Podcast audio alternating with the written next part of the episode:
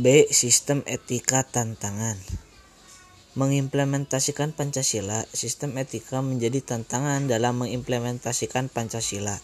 Sistem etika merupakan seperangkat nilai menyeluruh bangsa Indonesia merasakan mulai memudarnya nilai-nilai luhur keindonesiaan.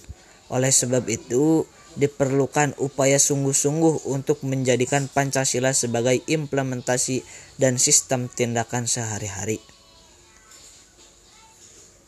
Pancasila tidak boleh berhenti menjadi nilai filosofis. Lebih jauh dari itu, Pancasila harus menjadi perilaku sehari-hari manusia Indonesia.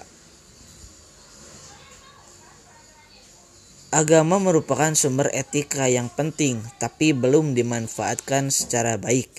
Padahal banyak nilai-nilai yang bisa digali dari agama agama itu tidak hanya menjaga persatuan tapi juga menjadi penggerak, pendorong, dan energi yang besar yang sanggup mengarahkan umat pada kesejahteraan. Selain agama, Pancasila juga menjadi sumber etika.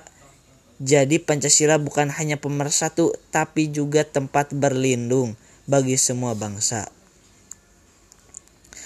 Pancasila tersusun atas dua pundamen, yang pertama, fundamen yang berkaitan dengan aspek moral, yaitu ketuhanan yang Maha Esa.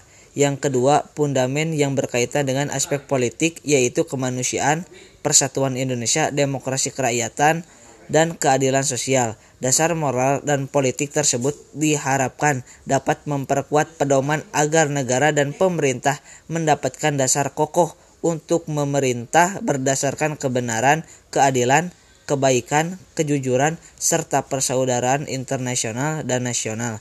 Politik pemerintahan yang berdasar kepada moral yang tinggi diharapkan tercapainya seperti yang tertulis di dalam pembukaan Undang-Undang Dasar 1945 yaitu suatu keadilan sosial bagi seluruh rakyat Indonesia.